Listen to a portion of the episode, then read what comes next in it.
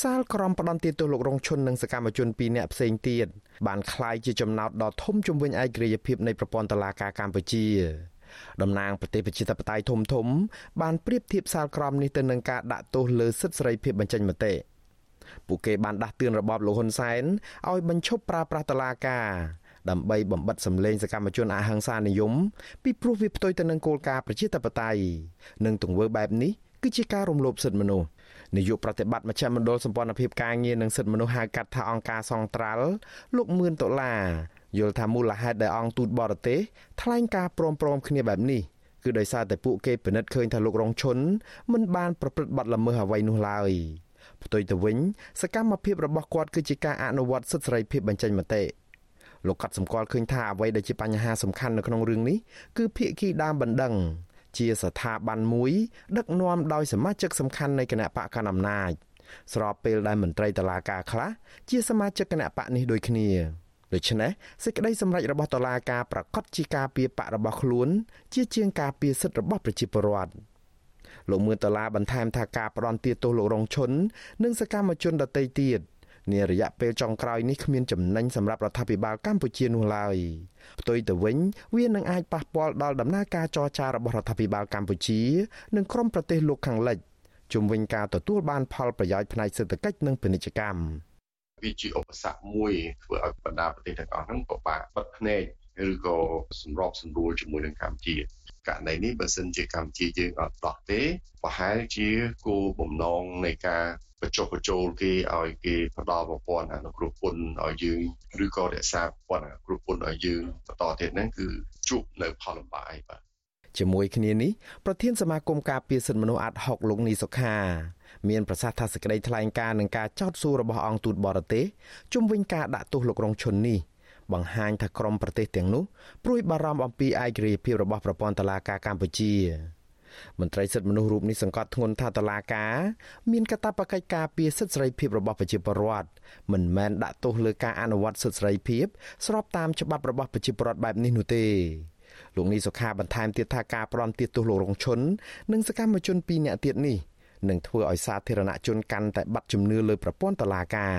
ជាពិសេសវានឹងបង្កើនកំណត់ត្រាអាក្រក់ផ្នែកសិទ្ធិមនុស្សបន្ថែមទៀតប្រហែលជាសហភាពអឺរ៉ុបគេមិនដកថយទេចំពោះបញ្ហាហ្នឹងព្រោះថានេះវានៅក្នុងលក្ខខណ្ឌរបស់សហភាពអឺរ៉ុបជាមួយនឹងរដ្ឋាភិបាលដែលរដ្ឋាភិបាលអះអាងថាខ្លួននឹងធានានឹងគោរពនៅសិទ្ធិសេរីភាពមួយចំនួនតឡាការក្រុងភ្នំពេញបានផ្ដន្ទាទោសកម្មជនសិទ្ធិមនុស្សនិងជាអ្នកឃ្លាំមើលព្រំដែនលោករងឈុនឲ្យជាប់ពន្ធនាគារ2ឆ្នាំ ពីបទញុះញង់ឲ្យប្រព្រឹត្តអំពើដែលបង្កឲ្យមានភាពវឹកវរធ្ងន់ធ្ងរដល់សន្តិសុខសង្គម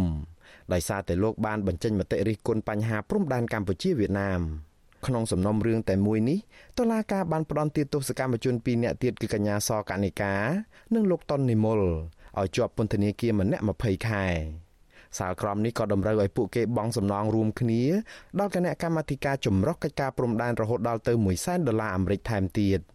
បើទោះបីជាយ៉ាងនេះក្តីក្រោយការប្រកាសសាលក្រមផ្ដន្ទាទោសនេះអង្គទូតបរទេសធំធំនៅកម្ពុជារួមមានសហរដ្ឋអាមេរិកសហភាពអឺរ៉ុបអូស្ត្រាលីចក្រភពអង់គ្លេសស៊ុយអែតនិងបារាំងជាដើម បាននាំគ្នាបង្ហោះសាររិះគន់និងចេញសេចក្តីថ្លែងការណ៍ទាមទាររដ្ឋាភិបាលកម្ពុជាគោរពសិទ្ធិរបស់ប្រជាពលរដ្ឋសាររបស់អង្គទូតបរទេសទាំងនោះមានលក្ខណៈប្រហាក់ប្រហែលគ្នាគឺពួកគេចោទសួរអំពីឯករាជ្យភាពរបស់ប្រព័ន្ធតុលាការកម្ពុជាជុំវិញសេចក្តីសម្រេចនេះ ម្យ៉ាងវិញទៀតពួកគេក្រានរំលឹកអាញាធរកម្ពុជាថាតុលាការមិនគួរត្រូវបានប្រើប្រាស់ដើម្បីបំបិតសម្លេងសកម្មជនអហិង្សានិយមនោះទេទន្ទឹមនឹងនេះពួកគេទទូចដល់រដ្ឋាភិបាលកម្ពុជាឲ្យបើកចំហទទួលយកទស្សនៈពីគ្រប់ភាគីព្រមទាំងគោរពការបដិញ្ញាចិត្តរបស់ខ្លួនជាអន្តរជាតិស្ដីពីការគោរពសិទ្ធិមនុស្សថែមទៀតផង វត្តជូអាស៊ីសេរីមិនទាន់អាចតាក់ទងណែនាំពាក្យក្រសួងយុតិធម៌លោកចិនម៉ាលីននិងប្រធានតឡាការក្រុងភ្នំពេញលោកតាំងសុនឡាយដើម្បីឆ្លើយតបរឿងនេះបាននៅឡើយទេក៏ប៉ុន្តែតំណាងរដ្ឋាភិបាលថ្លែងការពីសេចក្តីសម្រេចរបស់តុលាការនេះថាធ្វើឡើងស្របតាមច្បាប់របស់កម្ពុជា មិនមែនតាមការចង់បានរបស់ភាគីណាមួយនោះទេ ប្រធានអង្គភិបអ្នកណែនាំពាក្យរដ្ឋាភិបាលកម្ពុជាលោកផៃស៊ីផានថ្លែងថាមតិរិះគន់របស់អង្គទូតបរទេសទាំងឡាយគឺជារឿងដដែលដដែលដែលមិនមានឥទ្ធិពលលើដំណើរការយុតិធធម៌របស់កម្ពុជានោះឡើយលោកជឿថាការលើកឡើងរបស់អង្គទូតបរទេសទាំងនេះនឹងមិនប៉ះពាល់ដល់ទំនាក់ទំនងរវាងកម្ពុជាជាមួយនឹងប្រទេសទាំងនោះនោះឡើយព្រោះលោកយល់ថានេះជាទស្សនៈផ្អែកលើអារម្មណ៍ផ្ទាល់ខ្លួន លោកផៃសិផានបន្ថែមថារដ្ឋាភិបាលកម្ពុជាមិនបារម្ភពីការដាក់សម្ពាធឬក៏ទណ្ឌកម្មរបស់បរទេសនោះទេ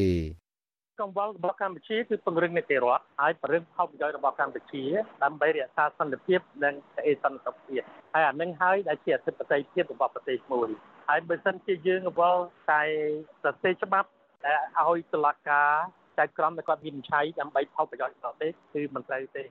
ការបកស្រាយរបស់តំណាងរដ្ឋាភិបាលកម្ពុជាបែបនេះត្រូវបានអង្គការសិទ្ធិមនុស្សចាត់ទុកថាជាការដោះសារនៅក្នុងន័យការពារខ្លួនតែប៉ុណ្ណោះ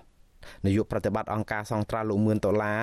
ថ្លែងថានីតិរដ្ឋបែបនេះជានីតិរដ្ឋคล้ายคล้ายហើយសហគមន៍ជាតិនិងអន្តរជាតិនឹងមិនជឿលើការបកស្រាយបែបនេះនោះឡើយលោកគូបញ្ជាក់ថាអង្គទូតទាំងឡាយប្រចាំនៅកម្ពុជា ជាតំណាងរបស់ប្រទេសនីមួយៗដូច្នេះការលើកឡើងរបស់ពួកគេឆ្លោះបញ្ចាំងអំពីជំហររបស់រដ្ឋាភិបាលប្រទេសទាំងនោះ លោកបន្ថែមទៀតថាករណីរំលោភសិទ្ធិមនុស្សគ្រប់រូបភាពនៅកម្ពុជាបើគ្មានការដោះស្រាយឬកែលម្អ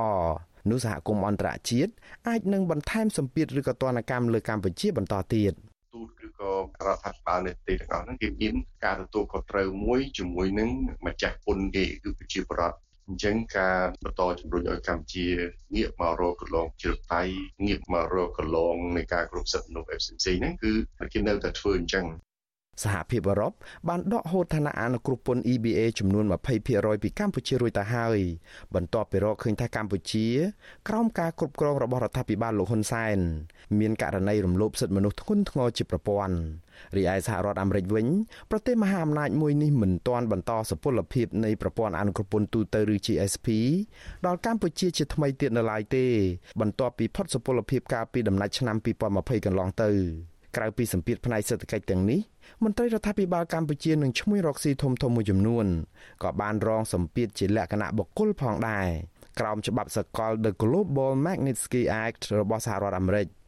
ជាងនេះទៅទៀតអ្នកនយោបាយជាន់ខ្ពស់នៅតាមប្រទេសមួយចំនួនជាភាសាសហរដ្ឋអាមេរិកកំពុងតែស្វាស្វែងបង្កើតច្បាប់ថ្មីថ្មីបន្ថែមទៀតដើម្បីឈានទៅដាក់ទណ្ឌកម្មក្រុមមេដឹកនាំដែលរំលោភសិទ្ធិមនុស្សធ្ងន់ធ្ងរដូចជាក្រុមលោកហ៊ុនសែនជាដើមនេះ។ បើទោះបីជាយ៉ាងនេះក្តីក្រុមអង្គការសង្គមស៊ីវិលហាក់មិនចង់ឃើញសម្ពាធឬក៏ទណ្ឌកម្មរបស់សហគមន៍អន្តរជាតិមកលើប្រទេសកម្ពុជាទៀតនោះទេពីព្រោះវាបណ្ដាលឲ្យខាតបង់ដល់ប្រយោជន៍ជាតិពួកគេអំពាវនាវយ៉ាងទទូចដល់រដ្ឋាភិបាលបច្ចុប្បន្នឲ្យងាកមករកកន្លងប្រជាធិបតេយ្យនិងការគោរពសិទ្ធិមនុស្សឡើងវិញពីព្រោះនេះគឺជាកាតព្វកិច្ចដែលមានចែងនៅក្នុងរដ្ឋធម្មនុញ្ញនិងច្បាប់អន្តរជាតិទាំងឡាយដែលកម្ពុជាបានសន្យាអនុវត្តតាម។ ខ្ញុំបាទមុងណារ៉េត With you Azizi Saray ពីរដ្ឋធានី Washington